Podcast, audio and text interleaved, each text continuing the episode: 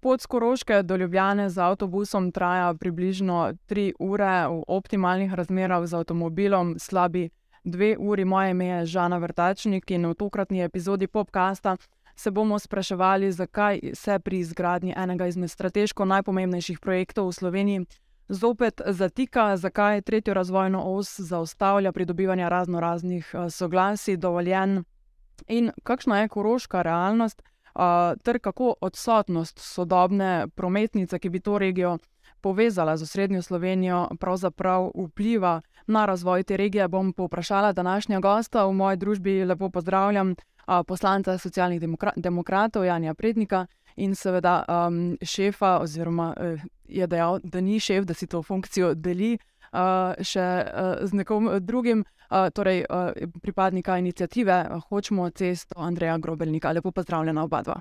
Zdravo, zdravo. zdaj morda disclaimer za vse, ki nas gledajo, poslušajo za začetek, pa vajo ali pa nas ne poznajo, vsi trije prihajamo s Koroške. če se ne motim, popravita me, če ni prav, vsi trije z Mežiške doline, smo pa tudi izseljeni in službujemo tukaj v Ljubljani, torej nihče od nas danes ni prišel s Koroške. En lep pozdrav iz moje strani, ja, kar se mene tiče, sem čez teden, v bistvu v Ljubljani, drugače pa sem dejansko iz Mežiške doline, tako kot tudi, vidva oba, ja. ja, jaz recimo iz pol poti, ne, iz Polzele do Ljubljane danes, sicer pa ja, Koroščica vedno.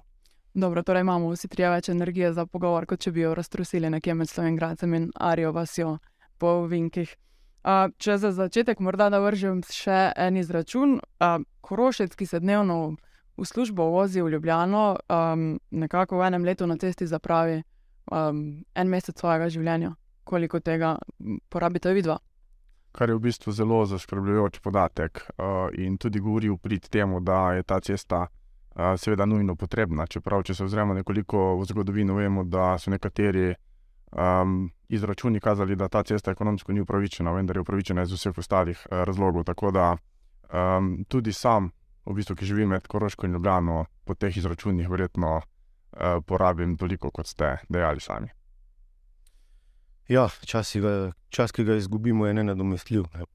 Zdaj to ovrednotiti, ne vem, v finančnem smislu ali kakorkoli drugače, mogoče celo nima smisla, mi smo v neki študiji, leta dva tisoč sedemnajst že nakazali, da je mogoče Koroška kot središče, s središčem Ravnem na Koroškem, celo najbolj oddaljen kraj od avtocestnega križa. naredili smo tudi primerjavo, kako hitro pride nekdo iz Nove Gorice, recimo, ki pa imajo to hitro cesto do navezave na potem naprej na avtocesto. tako da ja, Koroška je res, mogoče preveč odrezana, kar se infrastrukture tiče. Ja, mogoče še ena zanimiva, no, finance okrog tretje razvojne osi, seveda, marsikaj ni finančno upravičeno, ne. Nekoč mi je nekdo dejal, da verjetno tudi država z dvema milijonoma ljudi ni ekonomsko smiselna ali pa upravičena, pa bi prav rad videl tistega, ki bi rekel, da, da je noče imeti. Korošci smo pregovorno vztrajni, trmasti. Zakaj torej v letu dva triindvajset še vedno govorimo o tem, da smo brez pravzaprav enega kilometra hitre ceste ali avtoceste? ja, zdaj, trma je tista, ki je sploh pripeljala do sem, kjer smo. Torej, zdaj, zakaj ni, je mogoče ni ravno vprašanje za civilno iniciativo, ne, je vprašanje mogoče za kolega oziroma gospoda poslanca. ja, pač, na terenu, stvari ta trenutek kažejo slabo, tako da upamo pač, da se bodo te stvari v prihodnosti spremenile. je pa dejstvo, da, da, da se ta cesta gradi mnogo, mnogo prepočasi. Zdaj, če mogoče za začetek orišemo, neka dejstva ali pa fakte. gradnja torej severnega dela tretje razvojne osi od avtoceste A ena pri Šentrupertu do Slovenj Gradca se zamika, leto izgradnje, se evidentno odmika, nova časovnica naj bi bila znana aprila, če se ne motim, nekje sredi meseca aprila. nejevoljni so Korošci, pritiska pa tudi s svojimi, legitimnimi orodji opozicija v parlamentu, predvsem stranka SDS.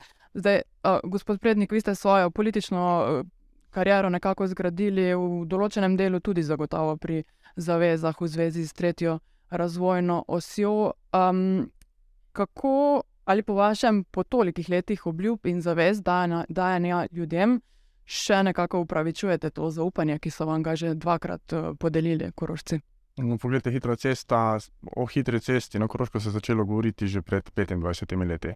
Jaz sem večkrat dejal, da to, da hitre ceste v letu 2023 oziroma 2020-2021 še nimamo, je sramota za neko srednjeevropsko um, državo. Uh, da se vrnem na to, da smo korošci ustrajni in trmasti, je dejstvo. To se vidi tako pri delovanju civilne inicijative, kot na vse zadnje tudi pri uh, mojem delovanju. Uh, tako preko še nisem bil poslanec, uh, sem v bistvu kot civilna družba uh, pomagal, koliko se je pač seveda pomagati dalo pri um, hitri cesti.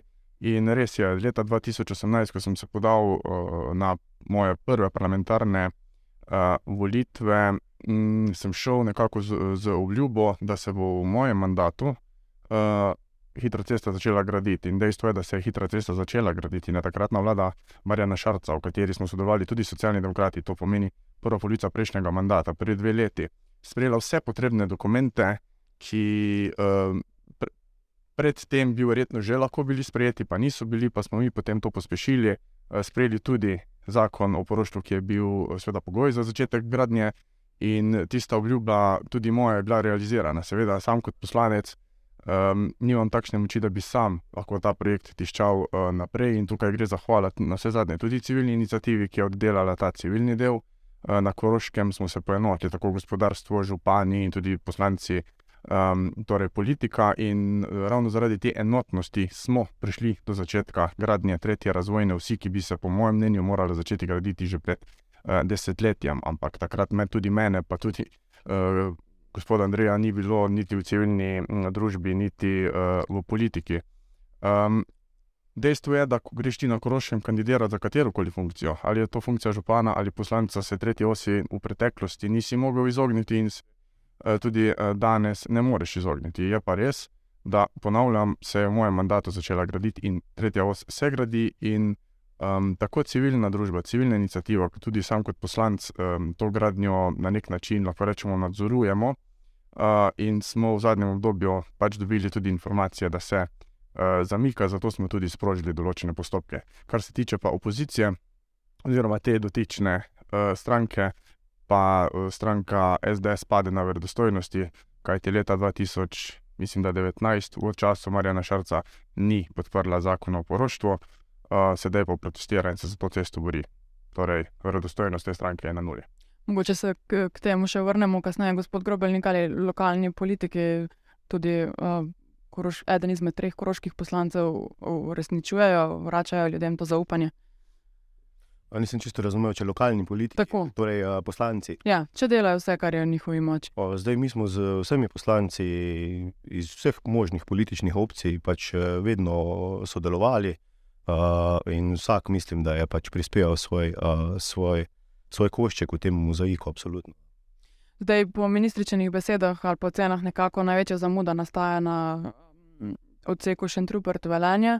Uh, tudi v preteklosti smo spremljali številne pritožbe glede uh, uničenja kmetijskih zemljišč. Je pa takrat Škarjen Platno imel v rokah uh, človek vaše stranke, gospod Dejan Židan, s katerim ste tesno sodelovali tudi vi.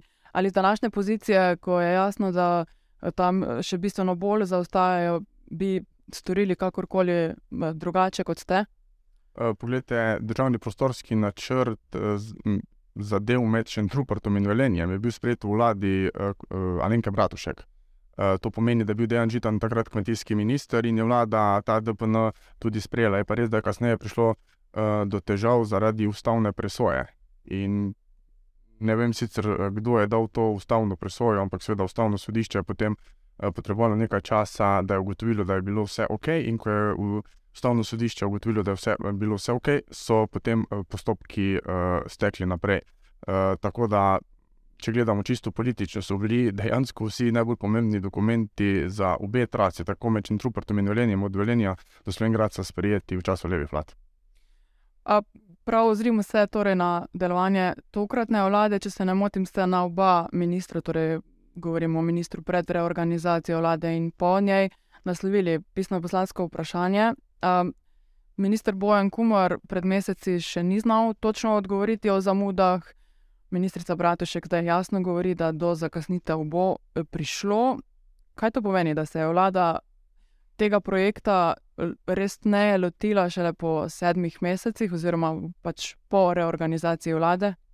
Ne, pogledajte, vedno je treba operirati z nekimi uradnimi podatki, ne za pavšalnimi izletavati v javnost, zato ker s tem samo vznemirjamo v tem primeru koroško javnost. Zato sem jaz takrat uradno naslovil na takratnega ministra m, Kumra vprašanje in dejansko mi ni znal še uh, odgovoriti in je dejal, da je pač potrebno uh, pregledati uh, vse zadeve in potem uh, počakati na uraden odgovor. Vmes je prišlo do rekonstrukcije vlade in je resor prevzela gospa Lenka Bratušek.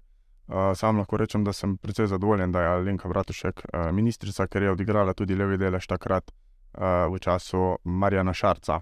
Uh, in sedaj čakamo na ta sestanek, kjer, bodo, kjer bo tako ministrica in ministrstvo za infrastrukturo, kot tudi Dars na mizo dale neke uradne uh, podatke, uh, koliko je zamud, in na podlagi teh uradnih podatkov, uradnih zamud, uh, se bomo seveda potem uh, pogovarjali, uh, naprej. Je pa uh, eno dejstvo in to je, da je tretja os prioriteta te uh, vlade in tudi parlamenta.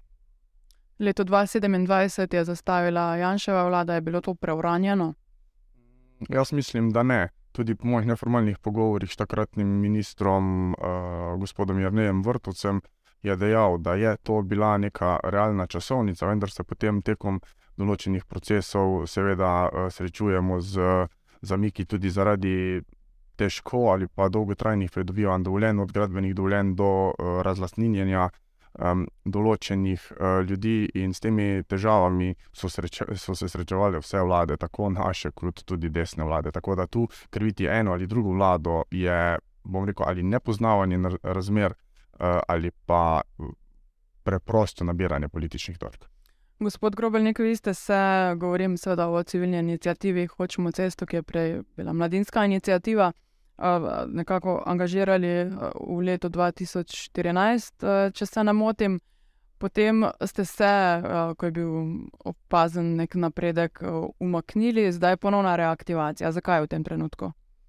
Ja, poglejte, stanje na terenu, kot sem ga že omenil, prej govori samo zase. Uh, kljub temu, da smo bili pravzaprav, ne bom rekel, ukinjeni, konstantno smo delali monitoring, torej preverjali. Uh, kolega se je celo udeleževal sestankov na, na Darsu takrat, ampak uh, ti podatki na Darsu se niso povsem ujemali s tem, kar se je dogajalo na terenu. Ne, poglejte, leta 2020 je bilo rečeno na enem izmed sestankov z ministrstvom in Darsom, da bo, uh, da bo odsek med Velenjem in uh, Slovengradcem v celoti v gradnji v letu 2021. Ne. Danes smo leta 2023, uh, pa imamo dokončan en odsek v Gabrakah, ki niti ne predstavlja štiri pasovne hitre ceste, in pa v gradnji imamo viadukt Janina. Torej, um, jasno je, mi smo sicer uh, se, se uh, na to odzvali že novembra lani. Uh, torej, zdaj ta izbruh, ki je, ki je zdaj, ne, je v bistvu nas niti ne preseneča, ker že od novembra čakamo na te odgovore. Tako da zdaj vmes je sicer seveda sestavljala vlada, se, se je marsikaj spremenilo, ministrstvo se je postavljalo na novo, ampak čas, ki vmes teče, tako kot pravi ministrica, ga ne moremo nadomestiti. Na Koroškem pa časa nimamo več. Zakaj se niste pridružili protestu, ki ga je pred kratkim organizirala stranka SDS? Vendar le nekako pravite, da smo vsi ali pa so vsi korošci enotni in moramo biti enotni v cilju za tretjo razvojno os. Mladinska inicijativa, eh, oziroma pardon, inicijativa Hočemo cesto, um, se v bistvu deluje v okviru um, odbora za izgradnjo tretje razvojne osi. Um, na ta protest niti nismo bili povabljeni, niti ga nismo razumeli kot protest vseh korošcev, pač pa kot protest neke politične stranke na politične shode, mi ne hodimo kot civilna družba. Če se morda še zadržimo pri tem, je mogoče ta konflikt um, a, razumeti tudi v luči širšega konflikta stranke NSI, SDS, um, da se vse to ilustrira na tej tematiki tretje razvojne osi, a gre tu za pritisk na Dars, na Hajdinjaka, ki je pač um, prihaja iz stranke Nove Slovenije. Mm, Zdaj sem ponosen na to, da smo mi v preteklih uh, letih, od leta dva, 2014 naprej, uh, na Koroškem dejansko uh, vse deležnike poenotili, kot sem omenil že takoj na začetku. In ravno zaradi tega, ker smo vse deležniki uh, poenotili, tako civilna družba, župani, gospodarstvo, uh, kot tudi politika, smo prišli do začetka uh, te gradnje. Um, zdaj, ali gre to za pritisk ene opozicijske stranke, na drugo, to boste morali vprašati nekoga drugega. Jaz sicer podpiram uh, vsa prizadevanja, ki bi pripomogla k temu, da se gradnja ne samo nadaljuje, ampak uh, da se pospeši. Uh, bom pa še enkrat upozoril na to, da mi smo prišli do začetka zaradi enotnosti, uh, sedaj pa je v zadnjem obdobju morda ena politična stranka za par političnih točk uh, ta projekt uh, izkoristila, in jaz upam, uh, da je bil to edinstven primer in da se v prihodnosti to ne bo več dogajalo, ampak da bomo vsi skupaj stremeli uh, k temu, da se gradnja pospeši in na koncu tudi konča. Zdaj vrstijo se zopet neki sestanki, srečevanja ključnih deležnikov. Prejšnji teden smo poslušali parlamentarni odbor pristojni na to temo in eden izmed predlogov iz opozicijske strani je bil, da se poenostavi um, oziroma odpravi številne birokratske ovire, ki, za katere tudi vi pravite, da pač neodvisno od leve ali desne vlade zaustavlja ta projekt. Kaj je v bistvu ta hip realno? Uh, to, to, kar ste dejali, je v bistvu dejstvo. Um, tudi sam sem na tem odboru svojo lastno vlado in svoje ministre, tudi predsednika vlade, pozval, da v čim krajšem možnem času pripravijo uh, zakonodajo oziroma novelo zakonodaje, ki bi vse za te velike infrastrukturne uh, projekte poenostavil, vse te predpise, to pomeni od pridobivanja gradbenih dovoljenj, uh, drugih dovoljenj, razlasninjenja in tako naprej. Zavedati se moramo, da, da je to zelo občutljivo področje. Vendar jaz verjamem, upam, da bodo pristojni ministri se lotili prenove te zakonodaje. Vse zadnje imamo to zapisano tudi v koalicijski pogodbi kajti imamo kar nekaj primerov v zgodovini in tudi v sedanjosti, ko vidimo, da se veliki uh, infrastrukturni projekti, ki so strateški, um, zaustavljajo oziroma uh, se gradijo bolj počasi od predvidene časovnice, ra ravno zaradi tega. Pa bom rekel, tu direktn, direktne krivde politike ene ali druge niti ni. To je v bistvu na uh, uradnikih, ki te postopke na ministrstvih. Uh, vodijo. Jaz sem večkrat v svojih javnih nastopih tudi pozval te uradnike, da um, da se ne držijo tistih skrajnih rokov, ampak morda kakšno dovoljenje uh, dajo tudi prej iz rok in s tem pomagajo tudi državi, uh, da so ministrstvo, uh, vladi, da se ti infrastrukturni projekti pospešijo. In ta apel uh, bom, bom tudi današnjo oddajo izkoristil za ta apel tem uh, uradnikom in še enkrat pozval tudi vlado, da pripravi spremembo zakonodaje na tem področju. Gospod Grobel, kaj pravite vi? Ni kriva ne ena, ne druga vlada. Dobro, zdaj politike ne bi komentiral, ne? politika nikoli ni kriva. Uh, dejstvo je, da, da ta gradnja poteka prepočasi, dejstvo je, kot sem že danes tretjič povedal, na terenu se ne vidi, da, da, da se stvari premikajo tako, kot bi se mogle. In uh, seveda pač. Uh, Ja, ni kriva politika, ni kriv Dars, ni kriv Ministrstvo za okolje in prostor, niso krivi nosilci urejanja prostora, ne na zadnje, niso krivi zakon, ni, ni kriv državni zbor kot zakonodajalec, kdo pa potem je da nadaljujem, mogoče vprašanje, pod katero vlado ste se počutili kot najbolj um, um, poslušan ali kot sogovornik, no, pravzaprav kot najbolj enakovreden sogovornik. Težko bi zdaj ocenil, lete pod nobeno. Uh, ampak pravzaprav mi smo civilna inicijativa. Mi, mi poskušamo, mislim, da smo pravzaprav edina civilna inicijativa Slovenije, pa me popravite, če nimam prav, ki se zauzemamo za nek projekt, ki bi radi nekaj zgradili, ki si želimo tega. Ne? Vsi so a priori proti, mi pa bi radi nekaj. Ne. Zato tudi v bistvu smo podprli uh, vse dobre rešitve, uh, tako levih kot desnih vlad, uh, da pridemo čim prej do te ceste. Pa vendar le slišati, ne, da na zadnjem sestanku, če se ne motim, niste bili povabljeni poleg na dogovore. Uh, morda kaže to, da ste pač bili v času prejšnje vlade veliko bolj slišani kot zdaj. Se, se počutite kot da vas aktualna politika ignorira. Morda. Ja, dobro, zdaj ministrica se je pač odločila, da bo tja povabila uh, najprej župane. Uh, zakaj ta izbor županov me prvič preseneča, ker tja ni bil povabljen župan Dravgrada, pa je ravno tako v tretji razvojni osi. Drugič, šesti člen protokola, ki ga ima država podpisanega z Šaleško, Savinsko in pa Koroško regijo, predvideva, da se vse take stvari rešujejo v okviru uh, koordinacijskega odbora za izgradnjo tretje razvojne vsi, katerega člani pa smo tudi mi, za sklepom im, imenovani tja. Uh, tako da ja, ne vem, zakaj je tak način. Uh, Mogoče me preseneča tudi to, kar ta vlada posebej poudarja, da rada sodeluje z, civilni, z civilno družbo. Tako da, ja, ne vemo, ne poznamo tega odgovora. Upamo pa seveda, da za nas vrata niso zaprta, da bomo lahko otvoreno sodelovali še naprej. Gospod Prednik. Mm, na to temo sem tudi sam govoril z ministrico. Ona je dala, da bi ta vodni sestanek z župani, ki vodijo občine v celotni trasi od Koroške pa do Črnomlja. In smo se potem tudi dogovorili, da na vseh naslednjih sestankih sodelujemo vsi, tako civilna inicijativa, ministrstvo, kot tudi poslanci, ki tudi nismo bili vabljeni na ta sestanek. Tako da ta zadeva je rešena in bomo v prihodnosti postopali, kot smo v preteklosti, ko smo prišli tudi do gradnje. To je torej zaveza. Absolutno. Um, če gremo malce še na posledice v bistvu odsotnosti neke sodobne prometnice v um, Koroški regiji, zdaj, uh, vi ste v civilni inicijativi beležili um, oziroma naredili nekatere študije, da bi dokazali, kako nujno potrebno je uh, prometno povezati to regijo. Kakšna škoda je bila narejena, če morda za začetek urišete, uh, kje se pravzaprav odsotnost uh, takšne infrastrukture najbolj pozna?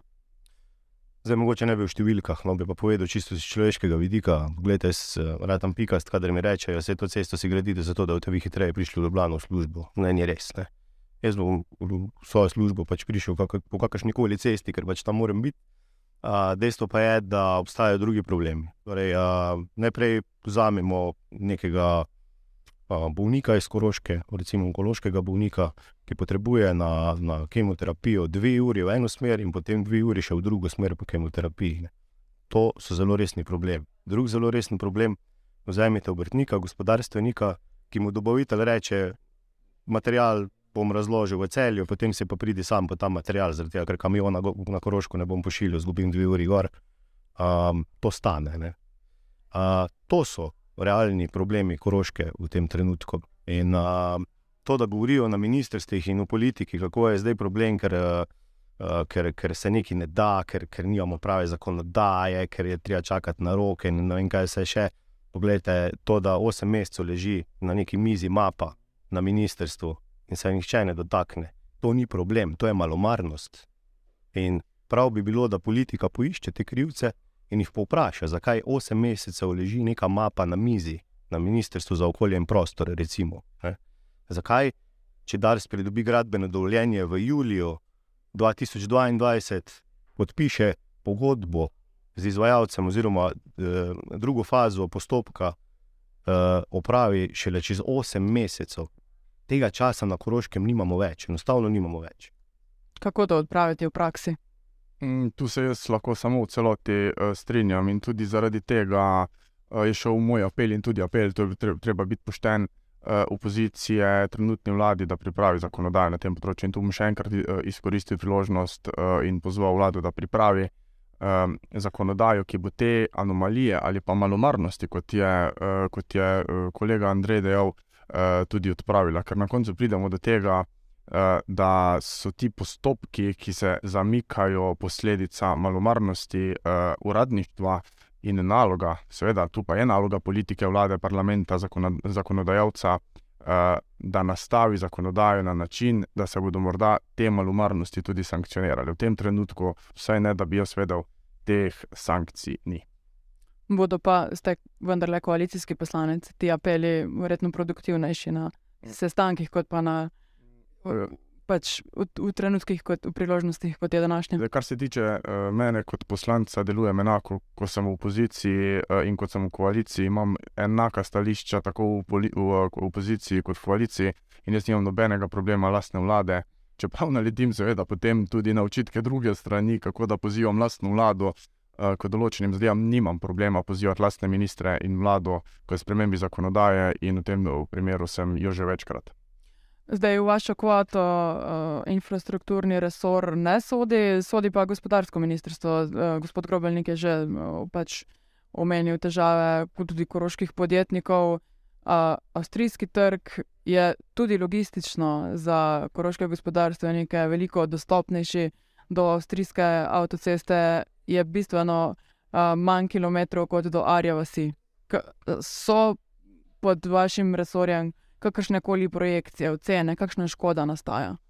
Teh ocen jaz nimam, ampak če se vrnemo samo v zgodovino, da čakam na to cesto 25 let, je škoda tako v evrih, kot tudi druga škoda, verjetno uh, enormna. Zato se tudi tukaj strinjam, uh, da časa več ni. Dejansko podjetniki, gospodarstvo na Koroškem nima takšne možnosti razvoja kot uh, morda v nekaterih uh, drugih predeljih.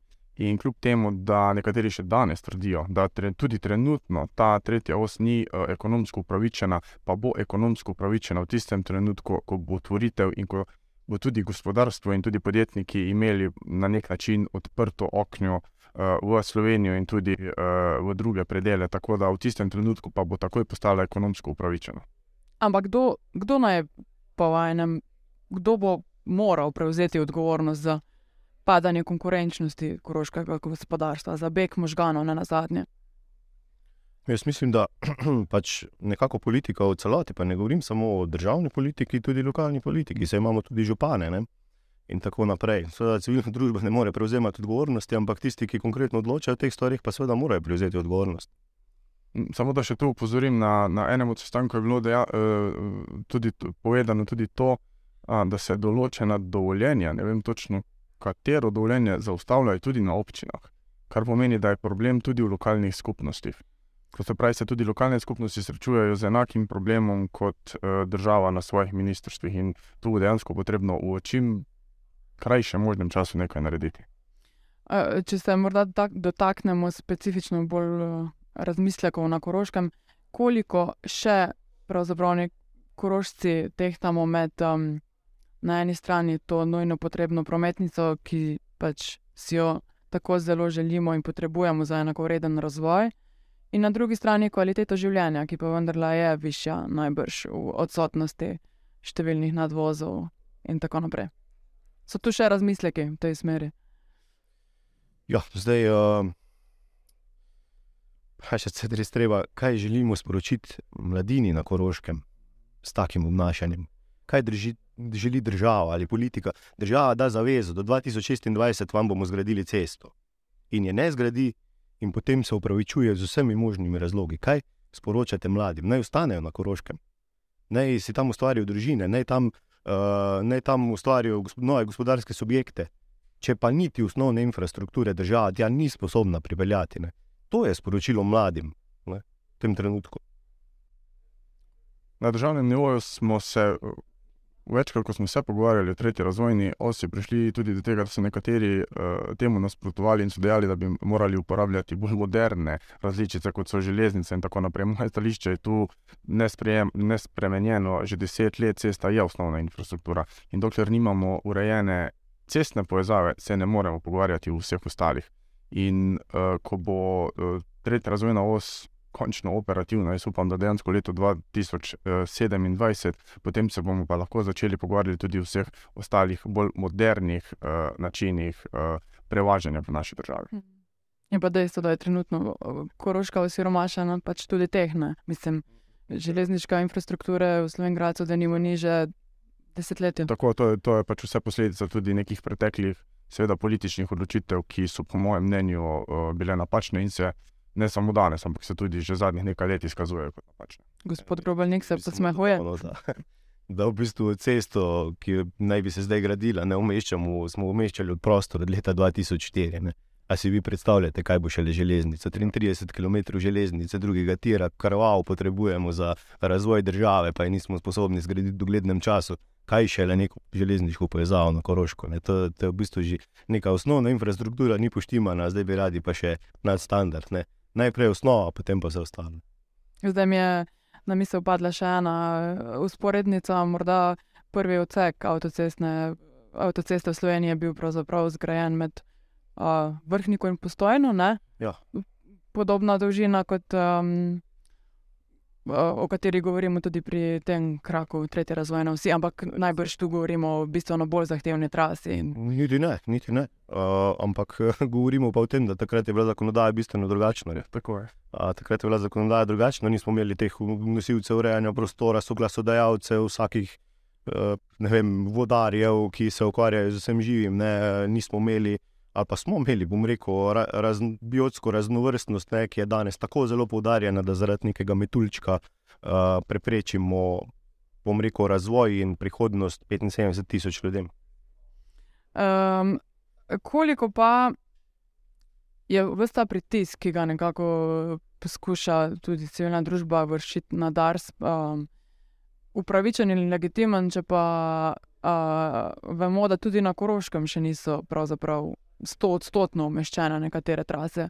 V Slovenki še vedno so pregovarjanja in nestrinjanja okoli umeščanja te priključne ceste, obvoznice južne.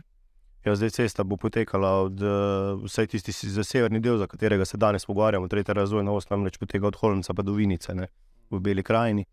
Ampak za severni del tretje razvojne osi, v katerem danes govorimo, seveda bo potekal od avtoceste A1, Maribor Ljubljana do, do Holmca. Ne. Uh, seveda je za nas tudi pomembno, kaj se dogaja na odseku Šempeter-Velenje, Šentrupert-Velenje, pardon, in uh, med Velenjem in Slovengradcem, in potem pa naprej. Uh, ja, uh, mi smo takrat, ko smo uh, začeli 2011, s tem poskušali čim prej priti do same gradnje. Torej, 2013 je bil ta državni prostorski načrt med Velenjem in Slovengradcem že sprejet tam smo pač ustrajali, ne samo civilna inicijativa, tudi koroška politika, če želite, ne, da se začne tam graditi takoj. Torej, se sprojektira to cesto, uh, se jo razdeli na sklope, zato da se hitreje pridobijo uh, v bistvu gradbena dovoljenja in se začne graditi. To je bil ta cilj in to zagovarjamo še danes.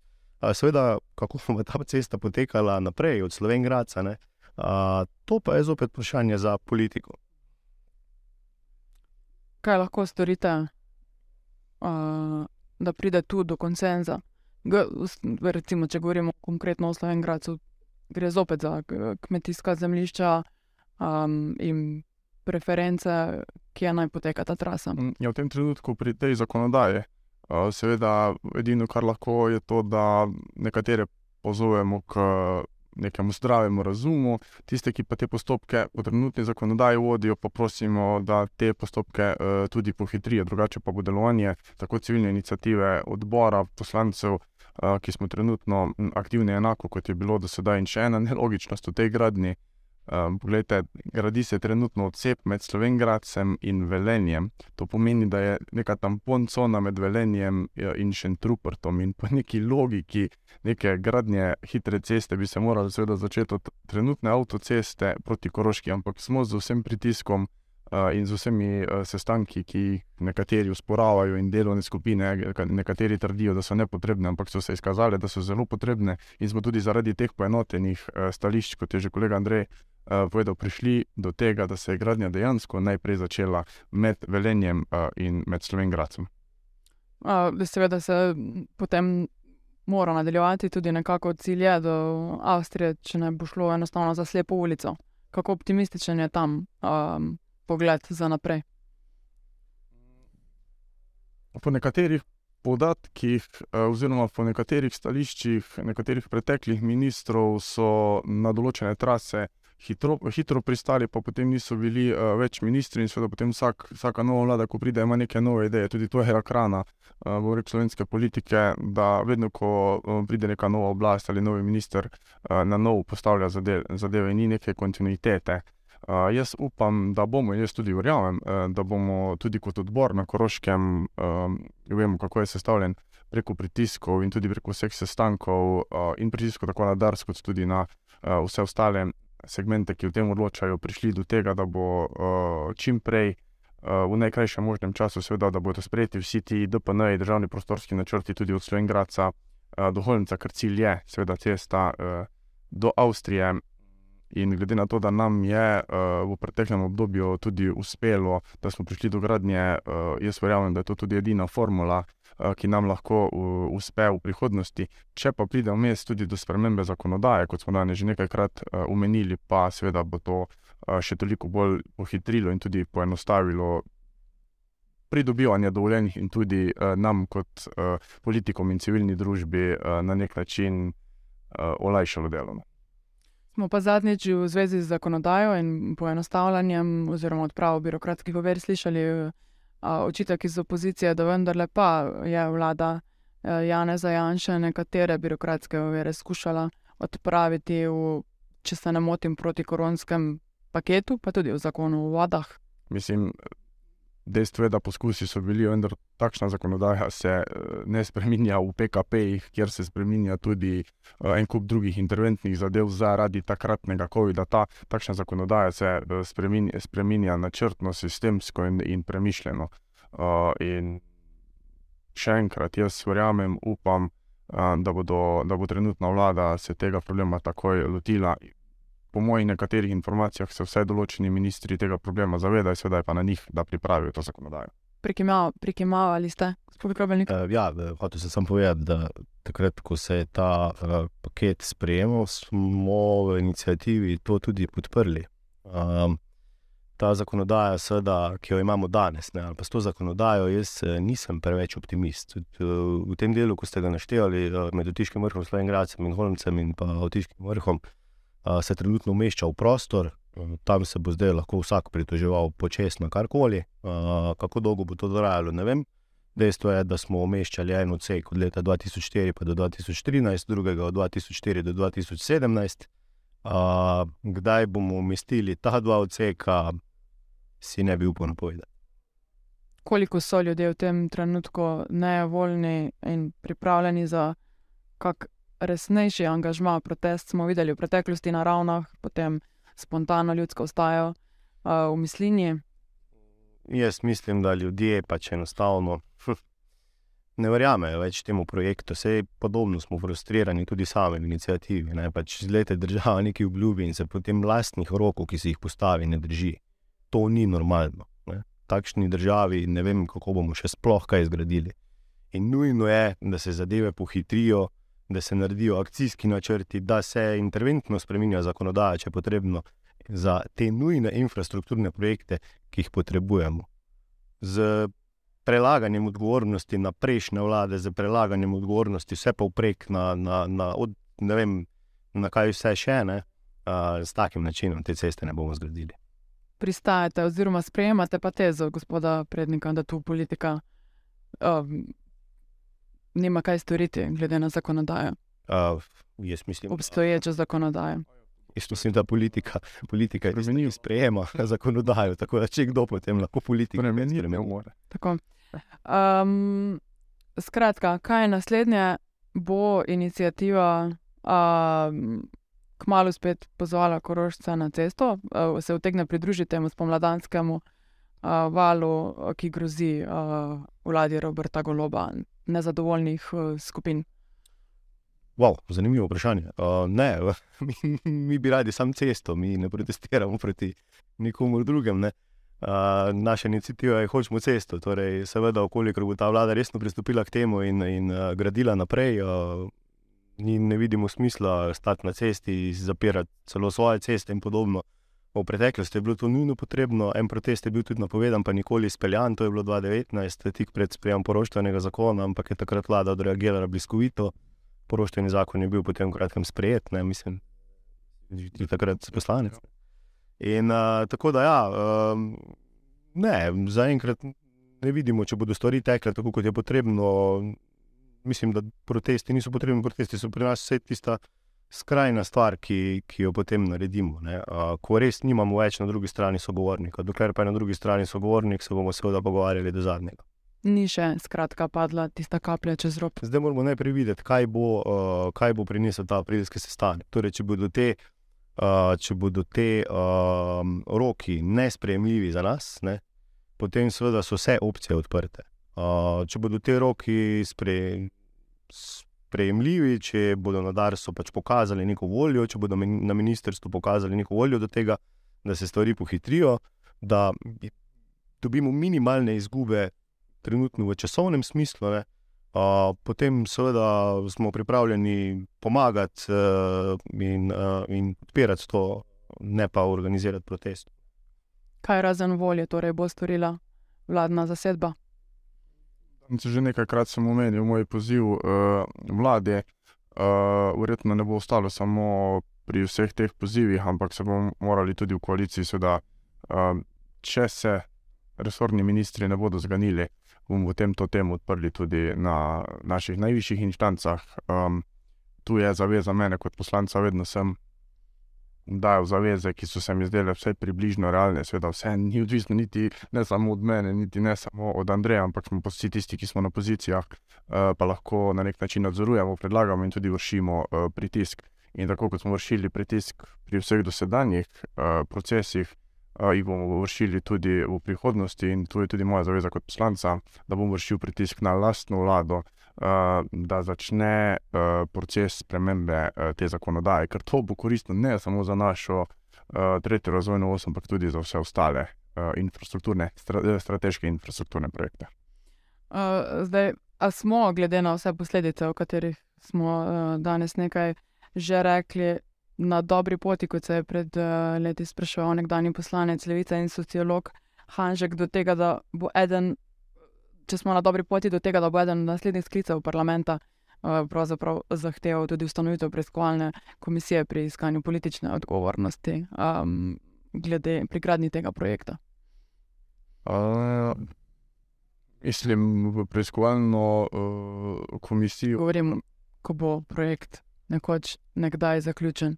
Mislim, kar se mene tiče, se lahko uh, ustanovi preiskovalna uh, komisija, ki išče politično odgovornost. To je politična, to ni kazanska uh, odgovornost. Lahko pa že danes ugotovimo, da so zato, da smo mi že sploh na začetek gradnje tretje razvojne vsi čakali 15-20 let odgovorni vsi pretekli uh, politični funkcionarji, ki so ali vodili vlado, ali bi mi bili ministri ali pa poslanci. Tu, tu se brez veze tej odgovornosti izogibati. Zdaj, nekateri so um, jasno in tudi v parlamentu nasprotovali uh, tej cesti, nekateri so pač delovali uh, podtalno.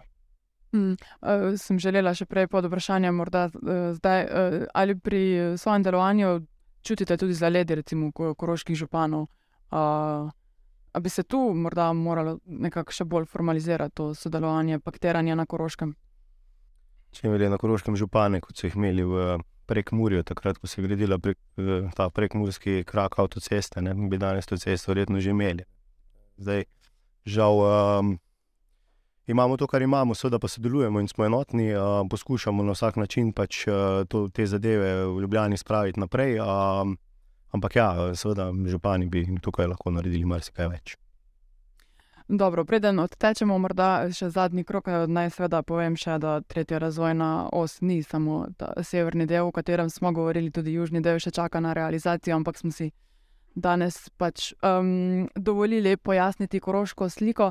Uh, morda za konec um, si dovolim še ilustrirati, kako zelo upeta je tretja razvojna os. Uh, v vsak dan in vsakdanje pogovore, eh, korožcev, upam, da ne zamerite. Ko smo se prejšnji teden z gospodom Grobelnikom po telefonu dogovarjali za današnji dan, sem ga opozorila, da sem na poti iz Ljubljane do Preval, pa da upam, da se slišiva, ker vendarle signal in vse to.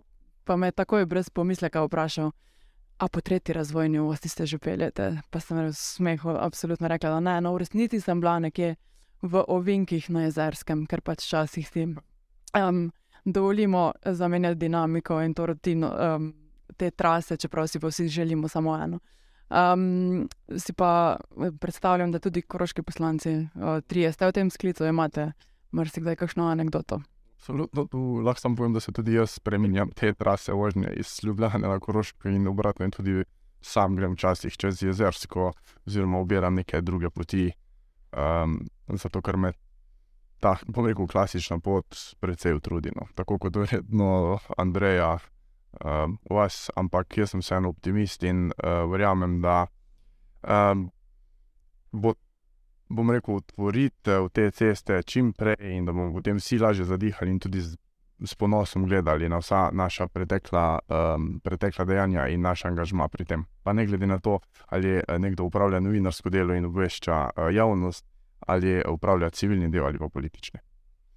Se, če lahko samo dodam, spomnim, Absolutno. da je bil minister eh, Petr Gašpršič, ki so ga tudi pripeljali čez Avstrijo do Koroške. Ne? Tako da ja, politika izrablja te uvinke. A, eh, čisto za finiš, a, morda eh, misel kolegice zvečera Petra Lesjak Tušek, ki je a, na zadnje stanje komentirala takole. Za zaslugo in uspeh zdaj šteje že, če odbor za tretjo skupaj s poslanci na sestankih doseže napredek, da zamik ne bo tako hud, uh, kot jim ga sprva napovedo. Skratka, koroška realnost je ta hip, torej uh, čakanje na nove zamike oziroma um, novo, menda realnejšo časovnico. Hvala lepa, da sta bila danes uh, moja gosta. Hvala vsem, ki ste nas gledali, poslušali in seveda do naslednjič. Cool. Yeah, yeah, but you know, in time and blood.